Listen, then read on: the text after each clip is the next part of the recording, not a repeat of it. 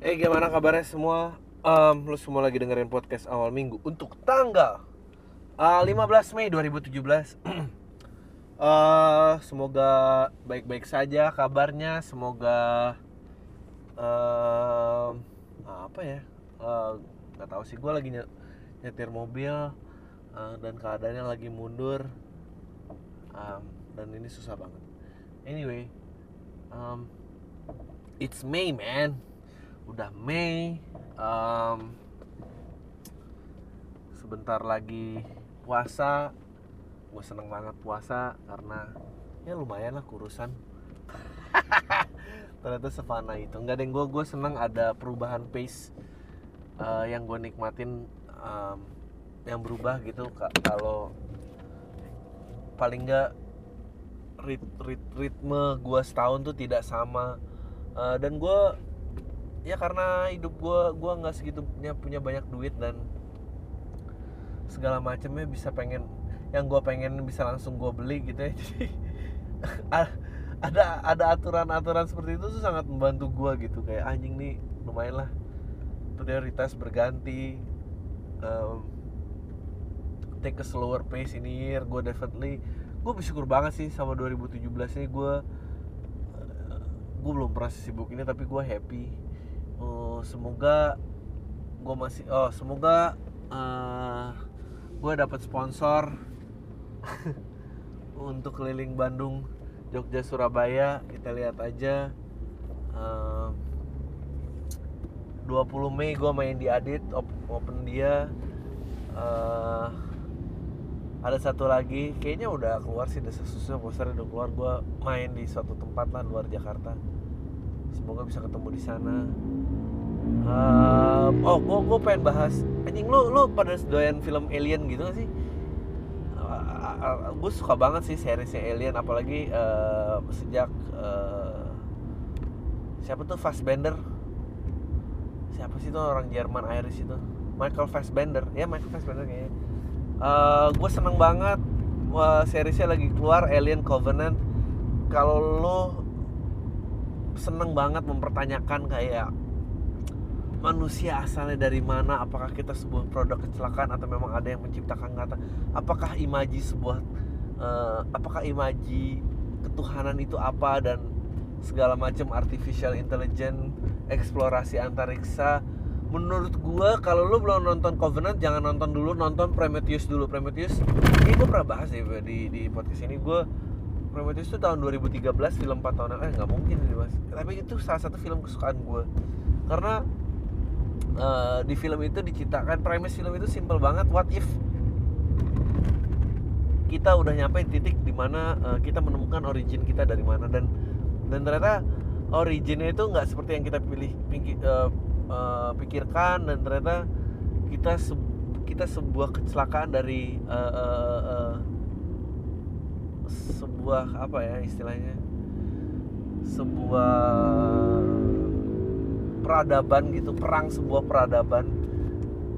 Um, ah dan menarik banget lah dan uh, akhirnya dilanjutin lagi ke ke Covenant gitu uh, itu nama pesawat yang lain yang akhirnya menyusul di tempat si Prometheus itu berada lah. Jadi semuanya itu diceritain dari dari point of view-nya.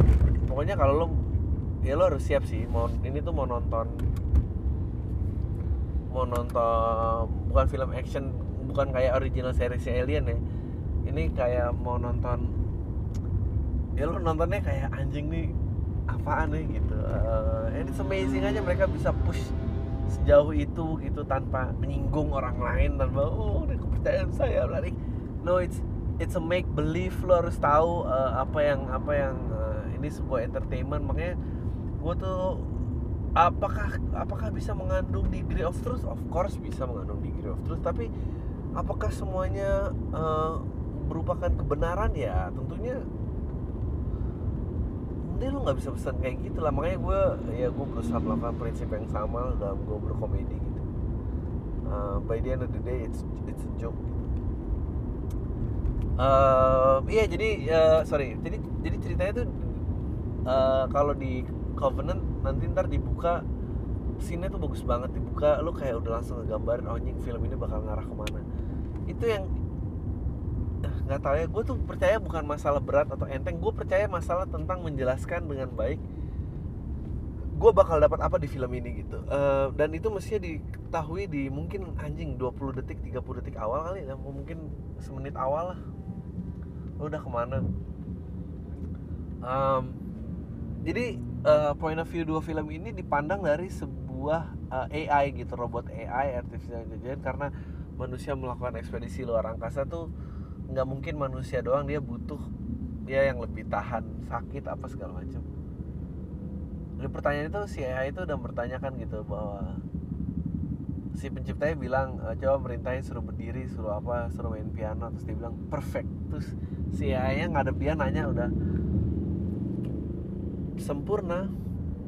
Uh, dia pertama nanya uh, apa uh, uh, lu siapa? Katanya gitu. Gue adalah I'm your father. Gue father maksudnya? Gue yang nyiptain lo. Oh gitu. Terus dia main piano dia terus dia bilang perfect. Terus dia dananya perfect apa? Iya gue sempurna. Gitu. Terus manusia udah langsung yang ke lagi kayak ah ini yang mengerikan sih kalau emang AI jadi dia langsung tahu gitu ya lu tuh sempurna lu tuh bisa melakukan apa apa pun yang yang yang yang mm, lebih dari gue tapi uh, ini kalau dikaitin ke teologi emang jadi serem sih. Lo, lo bisa melakukan segala sesuatu yang lebih baik daripada gue tapi gue yang nyiptain lo gitu. Tapi gue yang nyiptain lo. Dan tujuan lo adalah untuk mengabdi terhadap pelayanan gue gitu. Untuk melayani gue terus deh. Terus dia langsung kayak oh, so jadi maksud lo gue jauh lebih baik daripada lo tapi lo yang nyiptain gue gitu. Lo bakal mati gue nggak akan mati. Jadi apa ini? Anjing tuh detik pertama AI nya udah udah nge-challenge itu gitu. Anjing gue kayak uh, seru lah. Terus kayak dia belajar bahwa nanti yang uh, yang yang membuat yang membedakan uh, artificial intelligence dan manusia tuh kayaknya cuma satu hal yang gue tangkap dari film itu gitu. Nah, gue nggak akan sebut, gue nggak akan spoiler, gue cuma pengen bikin lo penasaran dan nonton um, ah gue sih happy banget sih. Gue happy banget gue bahkan pengen nonton Prometheus lagi mungkin gue ada yang miss. Uh, ya yeah, so that's that gitu. Dan gue kayak ih kapan ya kita bisa um, sebetulnya yang keren adalah premisnya apa packagingnya apa mungkin itu kali ya. Uh, yang dibutuhkan untuk orang-orang bisa menerima sebuah pikir sebuah buah pikiran atau atau atau um, apa namanya sebuah message atau pesan yang yang kalau kalau misalnya packagingnya diskusi antar manusia dan uh, menghina lambang-lambang yang sudah berdiri itu mungkin akan ribet sih tapi ya nggak tahu lah. Gue cuma seneng ah, gue seneng sih insightnya dan actingnya. Uh, ya gitu lah lu nonton aja. Um, gue bahas apa ya? Gue mau bahas oh ini mic levelnya kekecilan ya. Sorry sorry sorry. Oh ini pantas 70 semoga tadi dari tadi nggak kecilan ya. Enggak lah. Jangan manja um, nanti baru 9 menit. Gue um, wah gue pengen ngomongin keadaan sekarang dan kayaknya gue belum pernah mengadres keadaan sekarang. Uh, dengan segala tuntutan di pengadilan yang jatuh terhadap ya orang yang kayaknya memang dicintai oleh banyak orang gitu. Dan gue nggak gue nggak memberikan gue nggak mau memberikan uh, posisi gue apa gitu. Tapi lebih ke men ini kalau dia akhir anjing apa tuh? Ini kalau akhirnya dia jadi di belakang bu ya ini gue kayaknya nggak jadi rilis ah lo pikir lo keren di video bangsat ini ada juk-juk. Aduh gue tuh jujur ya gue gue tuh resah kayak I think ya ini egois egois sih maaf ya gue egois sih tapi kan um, I think it's a great time for solidarity tapi it's not a good time for comedy gitu. Dan ini tuh kayak aduh uh, ya lo tau gue gue akan berusaha untuk selalu menentang arus gue selalu sengaja bukan sengaja sih lebih kayak tidak selalu berada dalam titik kebenaran tidak selalu um, karena karena nggak menarik tapi sekarang tuh challenge-nya kayak anjing nih wave-nya gede banget gitu. Kalau gue ngatain orang ini atau misalnya mencibir apa yang orang-orang lakukan gitu di lapangan tuh kayak aku cuy aku cuy lu kayak lu bukannya turun tangan membela ini ini ini ini, ini. well gue pribadi dan gue sebagai komedian tuh berbeda sih um, gue gue gue nggak mau bahas gue nggak mau bahas kasus ini tapi gue mau bahas kemarin gue ada pembicaraan sama temen gue yang ya gue rasa dia namanya nggak mau keluar sih um, menarik bahwa gue tadi kan hari ini nonton basket gitu UI lawan Unpad cowok. Nah dan tiba-tiba kayak kebesit lah di otak gue gitu gara-gara mereka mulai manggil gue om. Anjing gue habis main main kayak oh maaf om kita kan turnamen berarti nggak kalau kita mulai mulai set oh ya nggak apa-apa. Anjing lu pada saat itu. Uh, lo harus ingat lah posisi lo di mana dan lupain lah ngeceng-ngecengin cewek masih kuliahan atau apa gitu karena semua manggilnya lo om uh, dan gue tersadar bahwa kalau lo lahir 98 gitu uh, berarti lo generasi lu 19 tahun kan berarti tahun ini gitu 19 tahun. Berarti dari tahun 17 tahun ini tuh lahir tahun 2000 udah 17 gitu. Meaning uh, banyak generasi kemarin temen gue bagus banget ya berarti banyak generasi pemilih pertama yang yang um, uh, akan menentukan negara ini ke mana. Lah nggak akan menentukan negara ini ke mana juga sih. Negara ini sih udah tahu mau ke mana. Nggak tapi maksud gue nggak ya. Lu jangan jangan pesimis pesimis banget kayak gue uh, udah tahu ya maksudnya lu punya hak suara untuk voting siapa yang in charge bla bla bla. Menentukan lah arah masa depan ini seperti apa. Dan dan kayaknya gue gue masih menyaksikan kerusuhan 98 gitu. Gue kelas 3 SMP 2 SMP 3 SMP bang. Uh, dan masih inget di gua kayak apa maksudnya uh, meronda malam-malam karena takut ini gitu. Uh, dan waktu itu kan ditutup jelas bahwa pengennya uh, militer tuh tidak punya kekuasaan politik bla bla bla. Um, dan ini akan berkaitan gitu. Akan berkaitan dengan apa yang gue mau omongin. Aduh tunggu benar gue harus buka pagar. Sampai mana gue tadi? Oh sampai demo apa? Oh iya gue ngobrol gitu sama teman gue cerita tentang ya pokoknya kan sekarang ada generasi yang nggak nggak nggak menyaksikan 98 gitu. Mungkin dari tahun kelahiran berapa ya nggak menyaksikan sekarang mungkin 94 gitu ke atas sudah nggak teringat lah. Um, dan pada saat itu kan jelas sih 98 tuh tuntutan jelas gitu. Tidak ada militer tidak ada kegiatan memiliki kekuasaan politik dan segala macam. Nah pertanyaannya dia adalah apakah kita dengan cara dengan cara tuntutannya itu minta dikabulkan dengan kontestasi di jalan kontestasi di jalan berdemonstran lah baik damai maupun tidak demo turun ke jalan. Nah dia bilang dunia tuh udah beda dan mestinya orang-orang aktivis dan apa yang mungkin dulu sadar tahun 98 gitu apakah kecemasan yang sama yang harus diturunkan kepada generasi yang sekarang. Apakah mereka harus melawan sebuah rezim? Ya jika ada sebuah rezim atau sebuah undang-undang atau sebuah konstitusi, konstitusi dengan cara yang sama gitu. Menurut kamu gitu gak? harus dengan jalan yang sama turun ke jalan? Nggak ada cara lain untuk mendesak perubahan konstitusi dengan tanpa turun ke jalan bikin takut itu turun ke jalan ya soalnya. Oh. maksudnya social media is another thing tapi kan yang bikin eh, iya itu nah. bikin takut kan rakyat. Iya nah tapi ketakutannya dibutuhkan oleh siapa gitu? Maksud gue apa yang ngajak aku ya nggak ada kamu nggak usah tidur ya.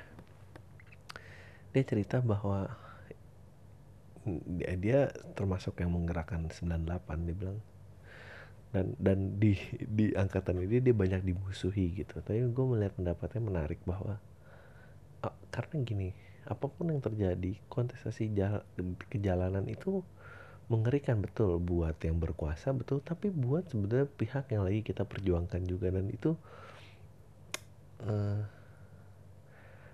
paling takut kan doa amit amit sih gitu. Terbayar dengan darah gitu. Dan darah tuh udah paling berat lah. Lu nggak bisa bilangnya kan satu demi kemarin ya lu kalau jadi keluarganya mau ngomong apa gitu mesti lu nggak bisa kayak gitu gitu. Dan mestinya ada cara lain gitu yang um, tahu ya. Ada beberapa peraturan yang misalnya hendak diperjuangkan untuk terus. Karena gue juga tadi ngobrol lah sama teman-teman gue yang keturunan gitu. Dan ternyata opini juga terbagi dua gitu dan gue tidak mau membenarkan kiri atau kanan gitu. Ada yang merasa bahwa aduh jangan sampai kengerian ini terulang lagi. Maksudnya dia mengalami 98 dan dan terulang lagi ada sekarang. Tapi ada juga yang berpendapat dan please ini jangan jadi diskusi panjang gue cuma pengen ngutarain aja gitu bahwa mungkin in, dan dia ada yang bilang bahwa enggak sebetulnya yang mengerikan pada saat turun tuh uh, menimbulkan friksi gitu. Nah masa turun ke bawah itu emang pertanda ada yang masalah dengan proses demokrasinya gitu kan. Karena ada pihak yang besar jumlahnya tidak merasa terdengarkan gitu. Dan dan apa pun lah mau dari kan dua-duanya kategorinya damai ya maksudnya. Si apa bakar lirin ini atau maupun yang pertama kali tuh atau dua yang pertama lah pada saat menuntut orang yang sama untuk disidangkan gue dan gue nggak mau masuk dalam perdebatan oh mana yang organik mana yang nggak organik bla bla bla bla bla. Nggak nggak bukan itu. Tapi ya, yang diangkat dari temen gue um, apakah mestinya generasi ini menemukan lagi caranya mereka sendiri gitu yang bukan warisan dari kita gitu? Bukan menyuruh mereka jadi ignoran tapi lebih kayak kayak gue juga gak tahu sih ada temen gue yang kerja di PNS dan apa gitu bahwa ada loh cara untuk mendesak merubah undang-undang apa atau apa ini tuh ada gitu dan yang baca itu ada gak sih gitu. Maksudnya turun ke jalan tuh pilihan yang terakhir gitu sebelum ini berapa layer berapa langkah yang di awal bisa dilakukan gitu. Karena ya kayak tadi gitu bahwa pihak yang sering dibela pun merasa terbelah dua gitu bahwa oh gue harus ini apa enggak gitu. Dan uh, dan gue juga jadi sadar gitu. Gue dulu tuh jadi beropini enggak mereka nggak pernah merasakan sih dulu uh, era Soeharto itu seperti apa. Atau um, ntar 98 seperti apa dan dan dan keparnoan itu harus diturunin lagi. Jadi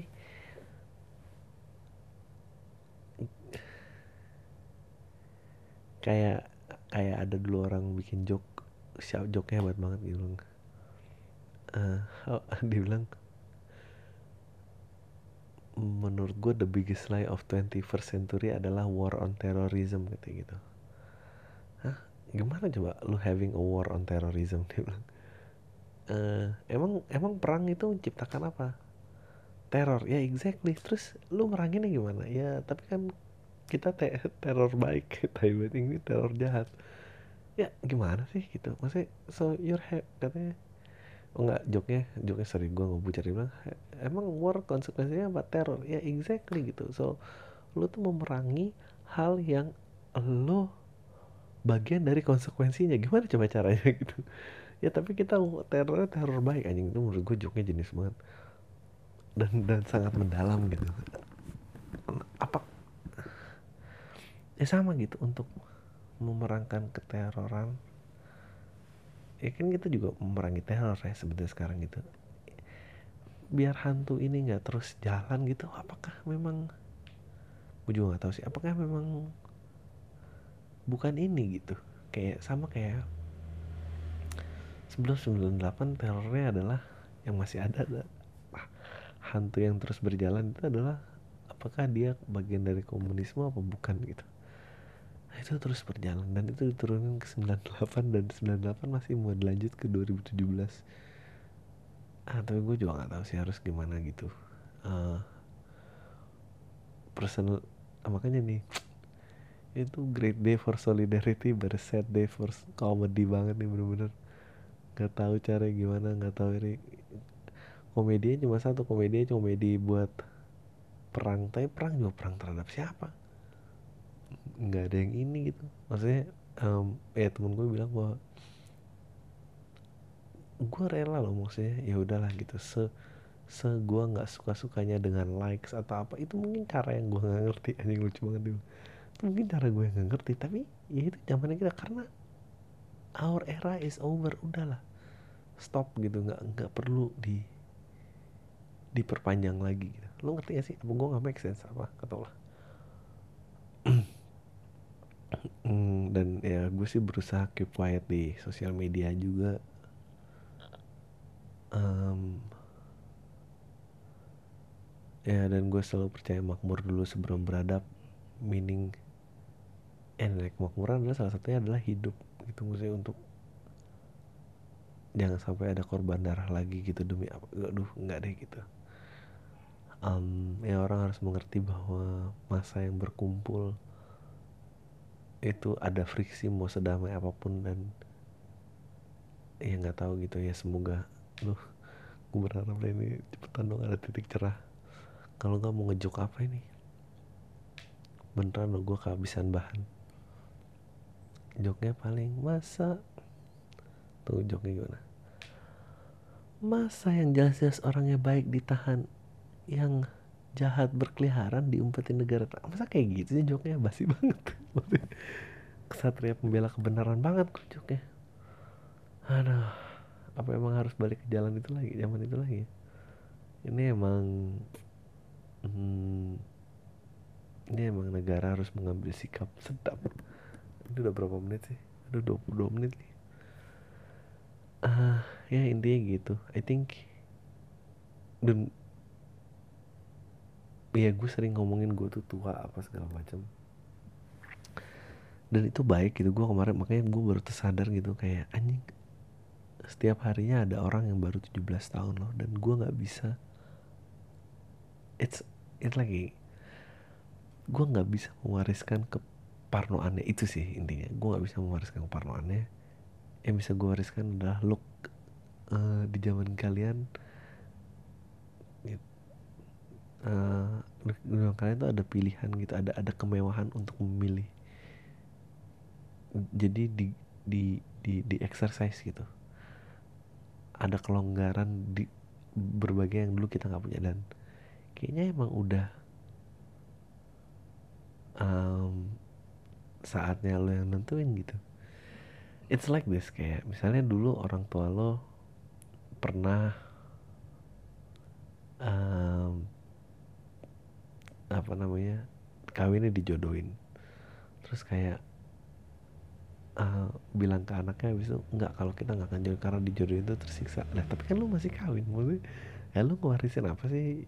Sementara anaknya harus tumbuh ngeliat uh, lu yang dijodohin. Nah, lu udah misalnya ya udah lo emang harus kawin karena dijodohin dan ya udah itu konsekuensi yang lo terima. Nah ya udah kalau emang lo beneran menerima apa pun yang udah lo buat ya udah. Tapi kan masa depan si anak itu kan bebas. Kalau emang ternyata dia clueless dan nggak ngerti cara nembak perempuan terus teman-temannya udah kawin dan dia harus dibantu ya harus dijodohin men. Anjing gue masih bisa dapat ya berarti masih lumayan. Ya intinya itu kan ngerti semua orang orang gue nggak percaya. Ya ya itu sih. Makanya gue tertarik sama perubahan. Gue nggak tertarik sama konsistensi gitu gue juga berharap mungkin suatu saat um, apa namanya makmur dulu baru beradab itu juga runtuh gitu. Uh, karena generasinya berbeda. Dan lu nentuin jalan lu sendiri dan ya udah gitu. Dan uh, setiap solusi itu nggak applicable di setiap semua situasi. Cih, tidak semua solusi bisa diterapkan di berbagai situasi. Itu sih um, dan gue happy ngobrol sama temen gue karena dia umur berapa ya? Dia kayak di atas gue 6, mungkin dia 78 77 kali ya. dia beda sama gue 8 6, 8, 6, 6 tahun mungkin 6 tahun. Ya 78 lah. Um, dan dia rela mundur karena masih banyak banget. Yang enggak cara ini cara ini. Um, yeah I don't think we're in a apa dark days as we know it gitu. Tapi kan enggak kita kan gelarnya pasti damai bego. Bukan itu intinya itu yang turun kemarin kalau jumlah banyak itu ada ada friksi dan nanti itu makin aduh ya itulah. Mungkin juga aduh sebetulnya ada sih joknya cik tapi gak ambil udah gue baca email aja. Hopefully nggak tahu um, nggak ada yang tersinggung nggak ada yang yang rasa ah lo ini gue sama ini ini tuh saatnya kita bersatu padu. Dan menyuarakan kita udah jelas kok apa yang harus dibela. Yang dibela itu adalah kesetaraan bukan berarti nyim eh, enggak gue bukan itu that's not the point. The point is the point is gue ngerti yang lo bela tuh apa tapi orang harus exercise lo harus bisa exercise apa yang ya apa sebetulnya gimana gitu karena ya gitulah. Ngomong apa sih oke. Okay. um, bang lo pernah nggak ngerasa sepi di keramaian NY bang? Yang barusan jawab di pam ya bang? Cah um, merasa sepi di keramaian? Sering. Um, dulu ya kalau sekarang sih nggak biasa aja sekarang sih gue ngerasa yang ngerasa sepi di keramaian tuh karena lu pengen banget ditanya kan itu itu bahaya men. Itu ego yang talking. Ya gue nih sebetulnya punya pemikiran lebih mendalam daripada di tengah-tengah keriaan pesta ini. Tapi nggak ada yang mau mengatakan gue semua nih nggak ngerti gue ah tai kucing. Kalau punya kayak gitu ya lu sendiri aja mojok jangan keluar. Um, ya why nya itu karena lu sebetulnya punya ego yang nggak lu yang nggak lu kenali gitu. Dan uh, kalau lu nggak suka keramaian sih mesti nggak keluar aja sih. Mesti memang uh, apa tuh kalau di itu ada kayak ciri orang beriman. Itu adalah eh ciri orang munafik itu kan kata nggak sesuai dengan eh hati nggak sesuai dengan perkataan tidak sesuai dengan perbuatan. Ya itu orang-orang munafik memang. Lo tahu nggak suka keramaian lo keluar ya jelas aja lo ngerasa sepi. Karena lo akan ngerasa sepi pada saat lo kesepian juga. Jadi ya emang gue cari-cari sih um, um, um, oh Bang, menurut lo NBA yang sekarang gimana nih? Lo ngikutin NBA sampai sekarang gak bang? Dan bagaimana menurut lo perbedaannya pada dasar pada saat Chicago Bulls berkuasa? Soalnya gue penggemar Dennis Rodman jawab di podcast sih bang. Um, perbed gue masih ngikutin dan gue berharap Celtics menang nih game 7 tapi nggak tau lah um, perbedaannya saat Bulls berkuasa menurut gue 80 90-an tuh era yang lebih enggak sih perbedaan yang mendasar menurut gue di 80-an uh, gue nggak sukanya olahraga kalau di Amerika gitu sih. Semuanya demi entertainment value. Dulu tuh tidak ada mau zone mau one on one tuh tidak ada peraturan itu. Dan pada saat Bulls, Bulls berkuasa itu adalah um, si Phil Jackson nyiptain triangle offense yang nggak works. Eh yang akan selalu works kalau sistemnya tidak boleh zone. One on one dan pada saat one on one ya nggak ada yang bisa ngalahin Michael Jordan. Yang gue suka pada saat Bulls berkuasa adalah itu was more physical games.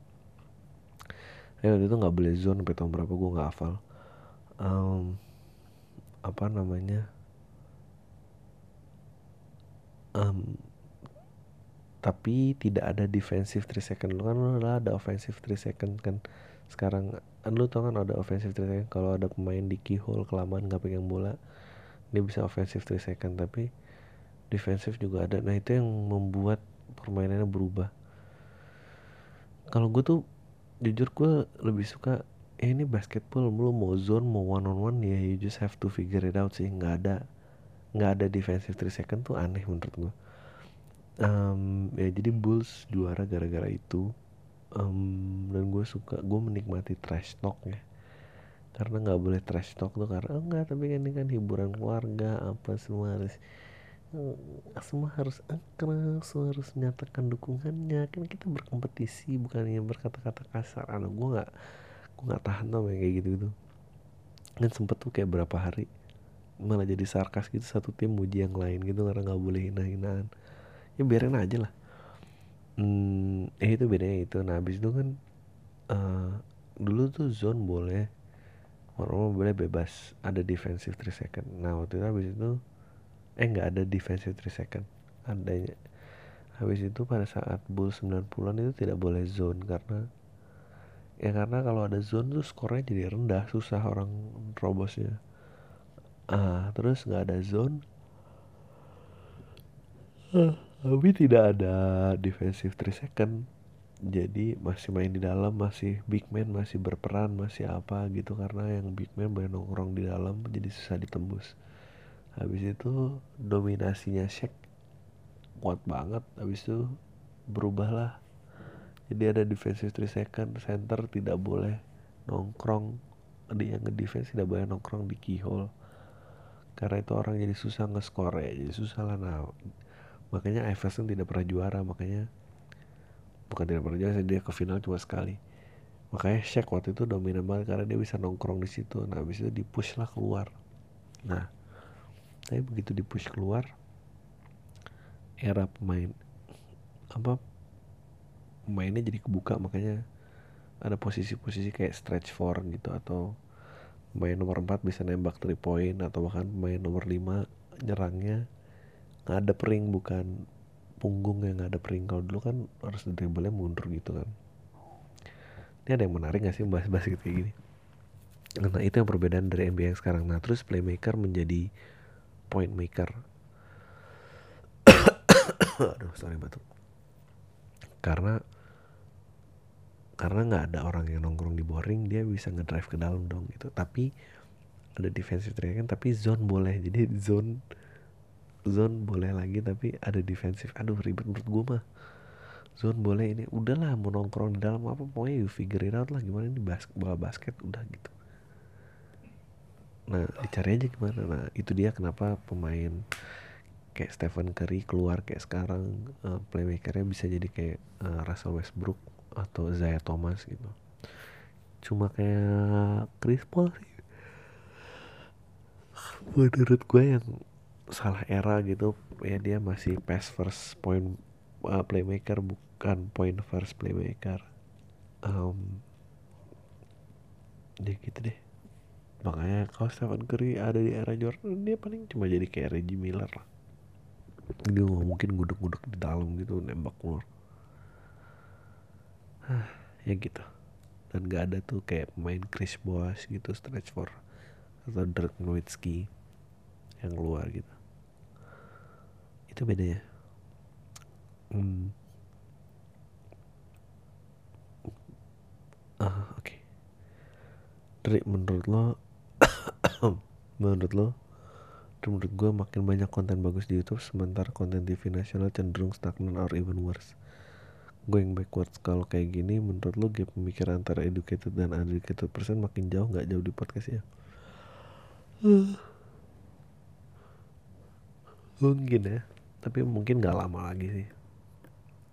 Gue sih happy banget lah dengan era sekarang. Eh gue happynya karena konten is king. Tapi dan again kalau konten is king dan semua orang bebas nyari ke mana-mana um, tapi penetrasi gue kemarin ngebahas tentang eh gue kemarin ngobrol sama digital agency gitu.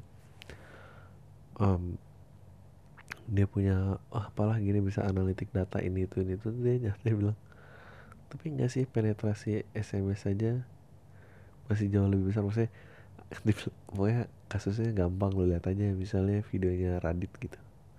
Atau siapa lah paling penetrasinya di angka 2 juta atau 3 juta gitu kan stop. Nah untuk 3 juta gitu kalau pengguna handphone itu ada smartphone itu ada 200 juta kalau nggak salah 200 juta anjing berarti 193 197 juta yang lagi ngapain gitu akses? Dari mana gitu? Jawabannya SMS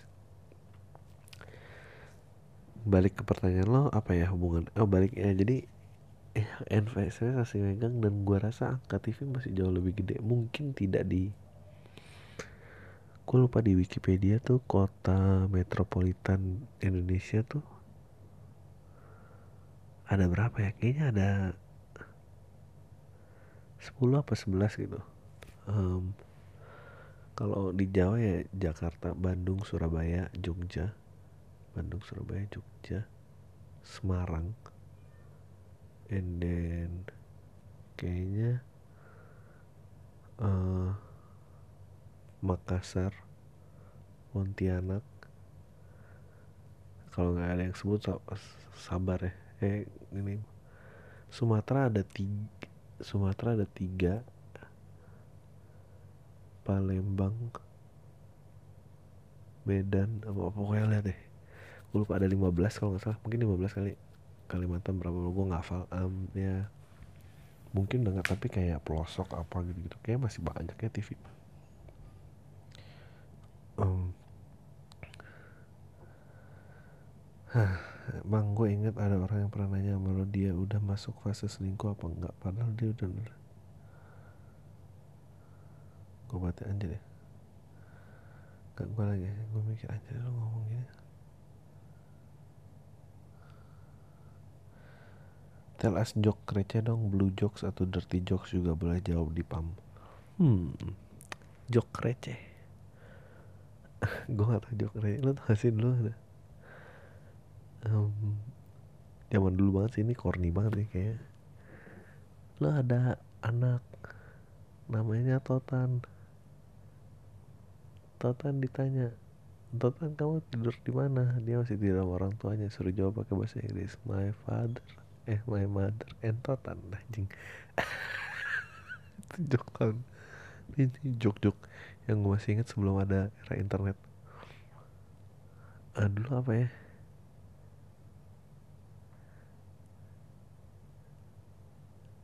apa? Makan somai. Makan somai?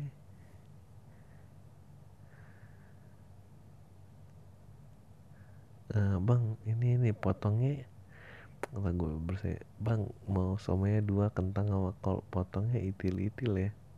Terus anak kecil. Oh, dia cadel anak kecil ngomong jorok. Coli bang coli. Maksudnya kecil kecil eh, kayak gitulah apa lagi ya jok-jok zaman kecil tuh? Ini kecil tahun berapa sih? Ya nggak tau gue nggak inget lagi. Ya gitu lah kira-kira.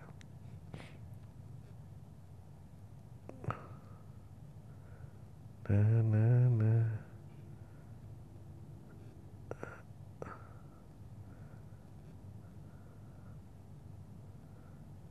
ini apa sih?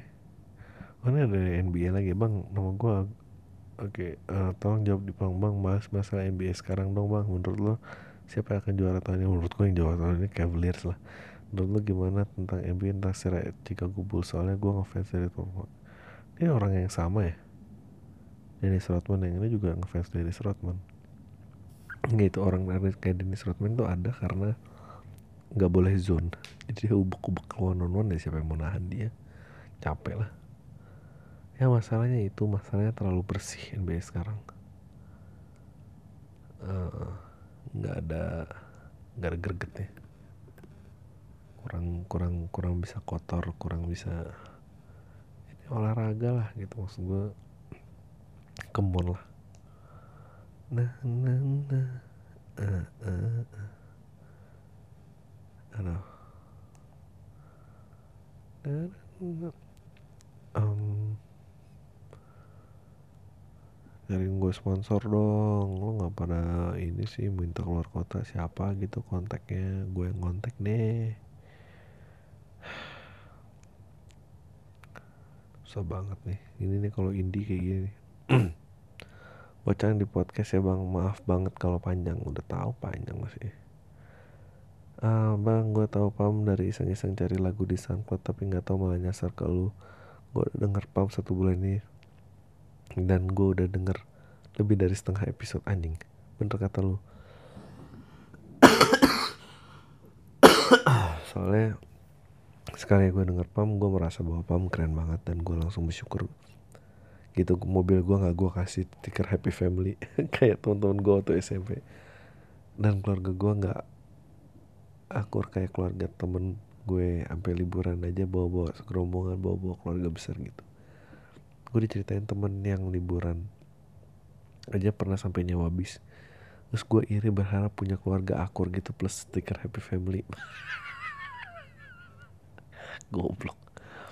Untungnya nyokap gue lupa lupa mulu beli stiker. Dan bilang ngapain beli stiker happy family kalau bokap gue nggak pulang-pulang? Men sorry to hear man untungnya juga di rumah cuma ada nyokap gue gue cuma debat dan terangin apa yang gue mau nanti sama satu orang nggak kebayang kalau gue keluarga besar semuanya akur terus gue mesti dengerin semua orang-orang so bijak gitu.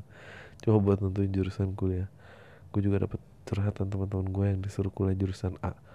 Nggak boleh keluar kota yang menurut gue aneh sih. Apalagi denger email ini yang lu bacain dari orang yang punya masalah keluarga gitu bikin gue makin yakin bahwa punya nyokap doang adalah konsep keluarga ideal wah good for you man. Lo healthy banget Thanks bang yang udah nemenin gue persiapan tes kuliah dan pencerahan-pencerahan akan Nora Estik Reve Family dan gak enaknya punya orang-orang bijak yang harus kita panggil keluarga. Doain gue semoga bisa lolos SBMPTN bang. SBMPTN itu apa sih? Syarat bebas masuk perguruan tinggi gitu ya? Huh. Sukses terus mami salam buat orang-orang kolam tai send from my iPad. Oh tuh yang denger gue punya iPad.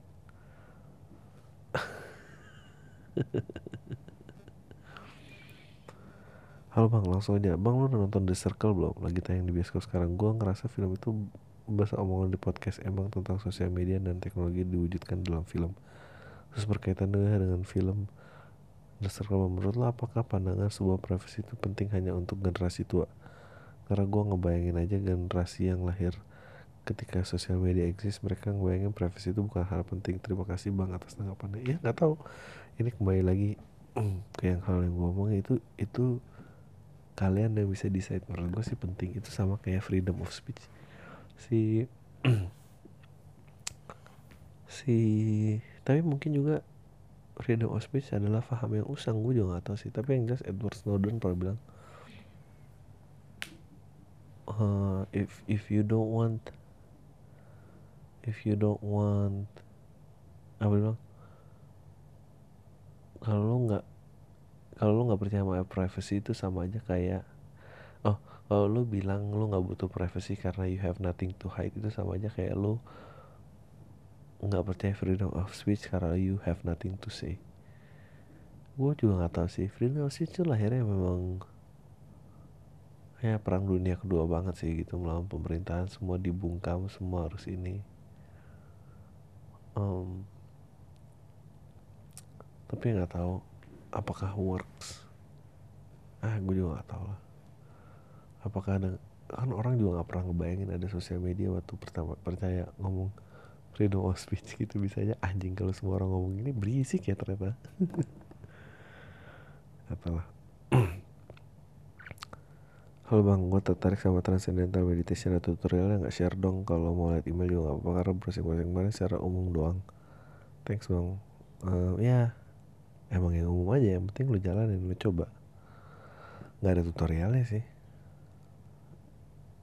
Ya gitu lah. Kayak gue udah sering ngomongin caranya gimana ya lu lakuin aja. Itu cuma lu nggak mau ngelakuin doang. Hmm. Halo bang, salam kenal nama gue Bahas di podcast ya Gue suka banget sama monolognya John Oliver Tiap minggu di Last Week Tonight Narasi yang ngehe semua Yang paling tay waktu dia tay-tayin kandidat presiden Perancis sih kemarin. Dengan podcast ini lo kepikiran gak bisa bluntly kayak John Oliver di show-nya? Thanks bang. Um, Enggak karena uh, negaranya lain karena penontonnya lain. Gue mah bisa aja sih Blunt? Tapi John Oliver tuh menurut gue keren banget karena tapi gue nggak suka sih komedi maksudnya gue gue bisa menghargai kerenan dia tapi gue nggak mau jadi kayak John Oliver. Tapi tapi gue suka banget John Oliver. Ngerti gak sih lo eh yang Blunt udah banyak lah. Ya gak sih? Kalau pada asik sih nggak apa-apa. Sekarang gini deh. Gue nggak mungkin kan bisa nggak gini ada restriksinya gitu. Kalau misalnya gue ah nggak tahu. So gue percaya semua orang punya agenda itu aja sih. Dan semua tersinggung kalau udah nyampe ke daerahnya. Dan yang bahaya adalah orang merasa sebuah aksinya itu adalah kebenaran dan semua nggak ada yang berhak ngatain itu itu sih. Kedewasaan itu di mana? Kalau itu belum ada ya kalau lu nggak ngerti gue ngomongin apa ini misalnya gini. Oke gue bilang nih ini worst worst week of comedy sih gitu. Karena gue nggak mungkin keadaan kayak gini misalnya bilang katro gitu yang bakar dan nggak mungkin semua orang pasti kayak dia bilang apa? Gitu. Jadi ya susah. Bang gue ya udah pendengar podcast lo dari lama banget tapi baru ngima sekarang. Jadi banyak denger mau denger podcast oh ya undang Zen NS ah. Peneng lu pendengar lama masih request tamu aja gimana sih nggak mau gue ngundang yang lain. Lo bang lu udah? Um, makasih udah bacain. Lu udah lihat video klip mercusuar untuk aja nggak? Menurut menurut lo gimana bang? Thanks. Menurut gue mercusuar itu game changer. Lihat aja nih ntar pasti abis ini banyak orang yang ngelakuin itu dan ah gue kebetulan kenal sutradaranya. Menurut gue dia jenis banget. Dan um, kejenisan itu bukan dibuat dia jenis itu dia dia bilang sama gue gue tuh ternyata nggak bisa dari bikin video klip. Tapi gue tuh jago dramatologi dan uh, fiksi. Oh ya udah gue jadiin itu aja. Dan emang orang tuh paling penting mengenal lo jago ya di mananya sih limitasi lo di mana dan dia bikin itu aduh keren banget sih. Karena menurut gue banyak banget lagu ini perasaan kalau gue tuh perasaan yang dibikin di gue cari dari lagu udah pada saat gue denger gue ngerasa anjing nih gue banget nih lagu ini. Nah tapi kalau misalnya gue nggak pernah mengalami pengalaman itu dan apa uh, dan nggak bisa connect itu sama lagu itu sebetulnya langkah yang simpel banget bisa ambil. Ya udah kita buat aja situasinya seolah lagu ini lagu situasi ini lagu ini banget gitu. Anjing simpel banget berpikirnya. Dan jadilah mercusuar hebat Halo bang, gue lagi butuh masukan nih Soalnya gue cuma bisa minta pendapat lo doang Bukan karena gue gak punya temen di dunia nyata Eh, bukan karena gue gak punya temen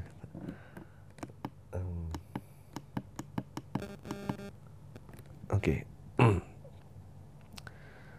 Tapi karena kalau gue cerita mereka pasti tahu subjek yang gue cerita itu siapa dan gue nggak mau itu. Oke, okay. gue juga punya dua sahabat, satu cewek, satu cowok. Kami udah bersahabat sampai 9 tahunan. Satu hari temen yang cowok ini mendadak ngebatain janji buat nginep bareng bertiga dan gue nggak mungkin ah ada buat nanti janji buat nginep bareng bertiga dan gue nggak mungkin balik karena kemalaman waktu akhirnya gue nginep berdua doang. Wah, singkat cerita things happen karena kami ke bawah suasana setelah ngobrol soal ini. Kami sepakat untuk nyimpen nih kami berdua doang. Termasuk dari teman kami yang cowok. Dan kami juga sepakat bahwa itu hubungan itu casual nggak lebih sedap. Nah bang masalahnya adalah kami keterusan dan ini udah berlangsung cukup lama dan semakin ini gue makin ngerasa dia ngelibatin perasaan. Menurut lo apa yang harus gue berpegang sama kayak awal bahwa ini semua casual dan gue harus ngelibatin perasaan juga? Lah gimana sih? Gue bukan mau enaknya doang tapi dia pernah bilang kalau kami nggak akan pernah pacaran. Mungkin gue terlalu sorry parah banyak tapi hampir banget buat gue thanks cheers wah ya lu jujur lah ke temen lo panggil aja lah. Paling dia ngambek ya udah tetep aja kan ceweknya sama lu kan. Ya udah. Gimana sih gue baca lagi? Jadi lo buat gue dia nggak kok teman lo bego sih? Ya mungkin teman lo nggak suka siapa tahu teman lo nggak suka si sahabat cewek lo itu. Iya nggak apa-apa lah rezeki. Lo tuh nggak enak sama siapa? Lo nggak enak sama temen cowok lo apa? Nggak enak sama lo nggak punya perasaan apa apa masih itu cewek. Ya lo juga sih nggak punya perasaan dipakai terus. Eh.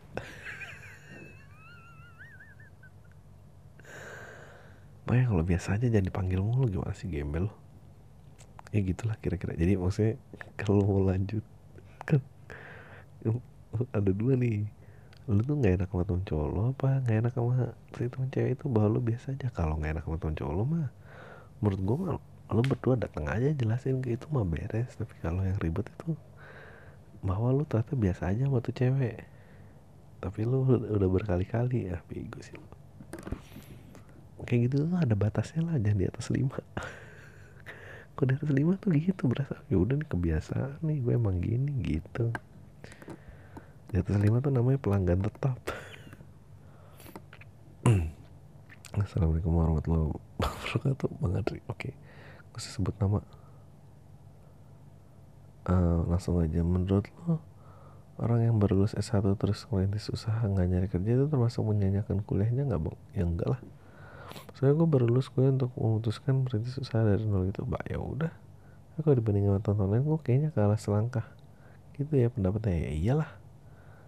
Iya dong pasti. Menurut lo gimana? Lanjut usaha apa? Kerja dulu yang apa baru lanjut lagi usaha lagi satu bang? Lo kan ahli di bidang advertising kasih tips advertising dong buat usaha kecil kayak punya gue uh, ya nggak tahu lo usaha apa?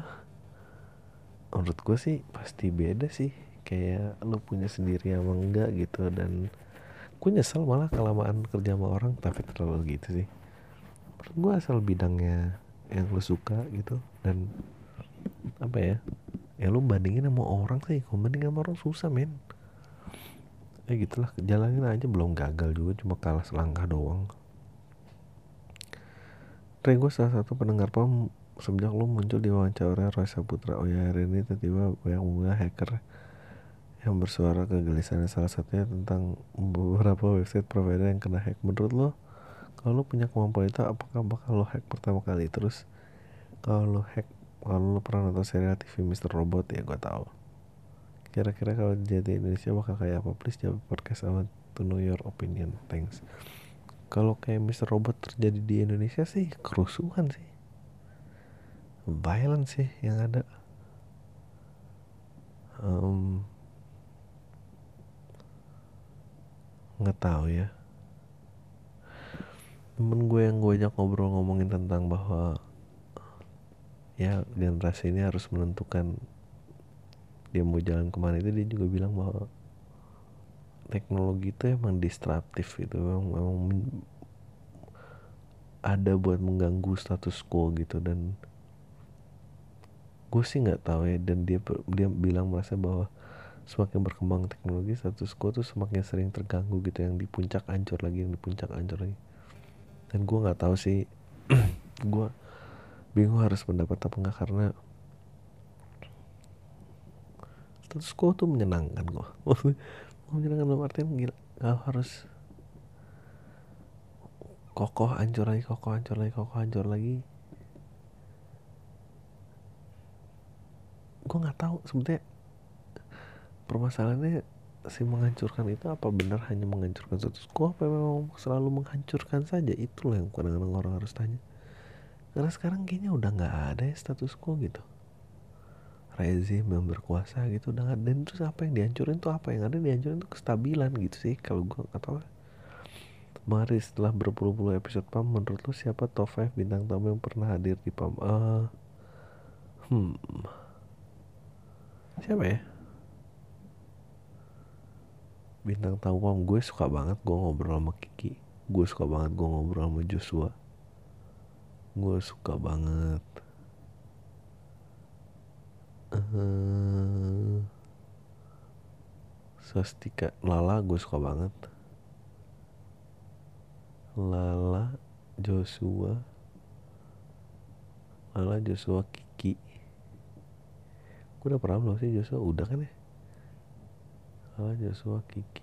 Ya itu kali kalau top 3 top 5 ya? Hmm. Oh hmm, nggak tahu gue siapa. Kamga Soleh. Oh gue suka banget sama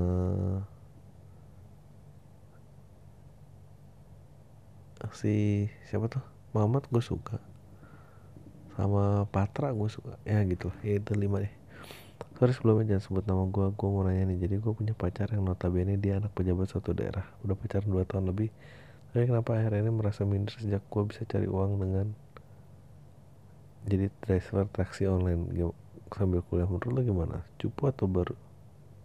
Sadar diri. Thanks bapak cupu. Enggak cupu sih enggak tapi mungkin lo baru sadar aja anjing gue ngapain sih di sini? Uh, ya nggak apa-apa lah kalau dia masih mau cuek aja lah. Ya gak sih? Nggak usah minder men cuek aja. Kalau hari yang sebut nama dan email. Oke terima kasih semua oke gue 24 tahun sekarang tinggal di Bandung karena melanjutkan kuliah sekarang udah beres. Jadi gini gue pas kuliah sempat suka sama adik kelas kita organisasi satu kampus. Dan kalau nanya perasaan gue tentang dia kayaknya udah enggak. Singkat cerita gue sering cerita kegalauan gue ke teman dekat gue dan teman dekat dia juga. Sementara beberapa lama gue udah capek ngedeketin dan mulai ngejauh karena tambah tugas akhir juga dua tahun setelah gue beres kuliah gue nggak sengaja menemukan file video lama anak organisasi gue dulu yang mana gue nggak ada di dalamnya. Mereka membahas tentang kegalauan gue di depan adik kelas yang gue suka itu. Menurut lo gue harus gimana menyikapi hal tersebut? Saya nggak tahu. Pertanyaan lu aneh banget sih. Ya lo samperin aja lah. Lo masih suka apa enggak kalau enggak yang ini mestinya nggak usah jadi masalah. Tapi kalau suka ya aduh kalian nih kayak nembak gitu nggak biasa ya Hah? Rasi ini. Percaya gak sih bang kalau musik itu bisa mengaruhi hidup seseorang? Oh percaya banget. Gue pas konser Flaming Lips ketemu segerombolan orang. Wah ini reference reference pendengar gue nih Flaming Lips ya sadis. Pernah bergerombol orang beberapa negara kostum aneh-aneh gitu. Ketemu di konser cuma dengan janjian lewat kolom komen Instagram Wayne Coyne salah satunya cewek dari Jepang yang udah nonton konser doi hampir hampir lebih dari 50 kali sampai keliling dunia pas gue tanya kenapa dia sampai gitu? Soalnya jawabannya simpel. Wayne Coyne udah ngubah hidup dia bisa jadi orang berpikir positif dan menjadi orang aneh. Itu bukan suatu hal yang buruk cewek lainnya masih berumur 17 tahun memutuskan untuk operasi gendernya jadi cowok di usia legalnya tahun depan hanya karena dia merasa teryakinkan. Setelah dengar Flaming Lips di situ gue bersadar gila musik pengaruhnya gede banget mungkin buat orang lain datangnya bisa dari baca buku atau nonton film. Kalau lu pernah nggak terinspirasi yang mengubah hidup lo setelah baca nonton atau dengar apa gitu? Um, stand up stand up I always like comedy. I think comedy change me more than anything. Musik juga sih. Tapi kalau film kayaknya nggak ada ya. Film buku gitu enggak sih. Uh, musik banyak by the way jadiin show dong di Jakarta atau Bandung bulan Juli. Gue pulang ke Indo bulan itu. Selama ini podcast lo yang udah nemenin selama berangkat ke kampus. Thanks ya. Udah udah bisa bikin gue nunggu-nunggu hari Senin yang biasanya gue males. Thanks man sama-sama. Semoga ya. Kayak Bandung jadiin aja sini oke. Okay. Tarmizi dari Lombok lagi bang. Dari semua klarifikasi yang sok-sokan Saya paling gak demen sama orang yang sok pinter Idenya pengen denger giliran nggak kerja suka ngomel-ngomel. Mana nih saya nggak ada oke. Okay. kalau bang Andri sendiri sok yang kayak gimana? Semua yang sok gue sebenarnya. Sok kaya sok tua. Sok muda sih gue lebih seneng. Sok kaya sama sok muda tuh gue sebel banget. Tapi saya zaman zaman zaman bang Andri juga kalau udah dengar bang Andri bersauda jadi sok pinter sih ah, udah kayak ada orang so tau lah mati bilang ah tau apa sih monyet ini sukses tuh bang kawin kalau denger bang Ari masih bersama jadi so pinter. Ya emang makanya kan gue udah bilang gue selalu bilang gue gak pernah baca. Ini apa sih?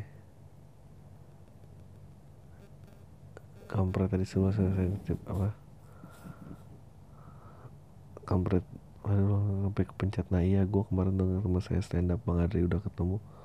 Udah lama ketemu. Lah kok sekarang gaya pandangmu mirip Adri sih padahal saya aja nggak sadar kalau mirip. Udah takut gimana dong bang? Saya takut tolong habis lebaran gak nih ke Surabaya? Makasih bang. Ya semoga jadi ya ke Surabaya. Ayo bang jangan sebut saya. Semoga bang oke. Okay. saya udah mulai kecanduan nih sama bang Adri uh, dari awal saya cuma dengerin Senin sejam doang di kantor terus sih saya dengerin lagu karena saya suka ambil lagu ambil kerja. Tapi sekarang saya sadar saya dari pagi sampai sore di kantor udah denger lagu cuma denger podcast abang doang. Anjing 7 jam parah banget diulang-ulang.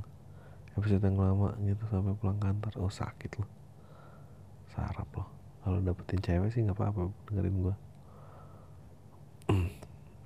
halo bang. Ini email kedua saya saya memutuskan untuk memanggil bang karena aneh kalau manggil mas. Oh saya dengerin uh, pam dengan bintang tamu itu dengan Muhammad Al di sini saya merasa tergugah masalah kedaerahan sedikit cerita. Ya bang saya kuliah di salah satu universitas negeri yang ada di Jawa Timur. Saya kuliah di Jawa Timur bang tapi kebanyakan kuliah di tempat itu saya anak-anak Jabodetabek. Jadilah anak-anak itu notabene di Jawa Timur kebiasaan ngikut mereka. Terjadilah gue lo medok saya rasa sih rada aneh kalau bilang gue lo tapi medok sama kayak dibilang abang kemarin kenapa sih kita harus ngikutin Jakarta pada sini? Kita nggak tinggal di sana seharusnya kalau kita tinggal di situ. Ya harus bangga deh bangga sama ciri dan kearifan lokal. Hmm, saya malah ngomong malah sengaja lebih medok kalau ngomong sama sama teman saya yang dari daerah ibu kota. Iyalah ngapain Nora nah pertanyaan ini bang masalah tentang bahasa kedaerahan tur abang kan namanya lo pikir lo ah, anjing. Eh ya gue nggak salah lanjutin ini karena spoiler. Gue cuma bilang um, gue berpikir yang sama sebetulnya. Itu apa? Ya cuma gue sama orang ini yang tahu. Makasih. Gue pengen main ke Surabaya serius.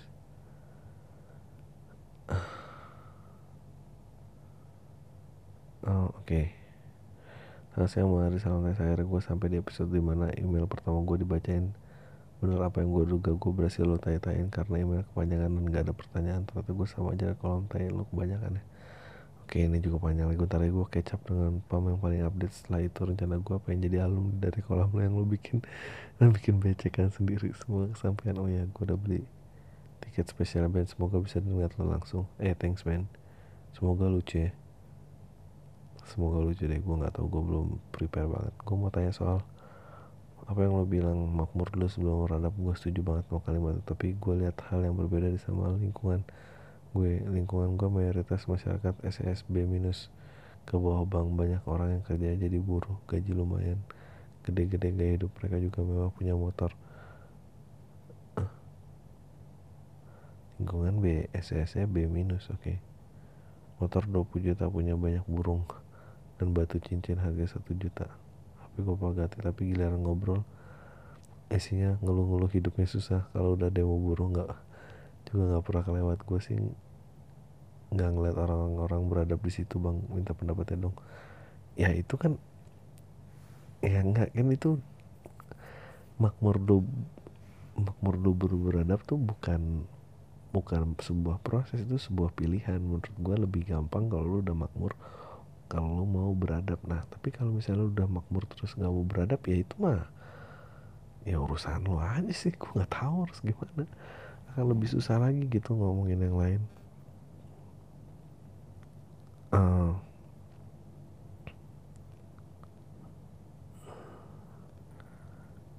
ya gitu sih. Karena akan susah lebih soalnya ngarepin peradaban dari dari yang tidak makmur. Ya gitu aja udah terakhir nih halo bang gue sama kenal gue oke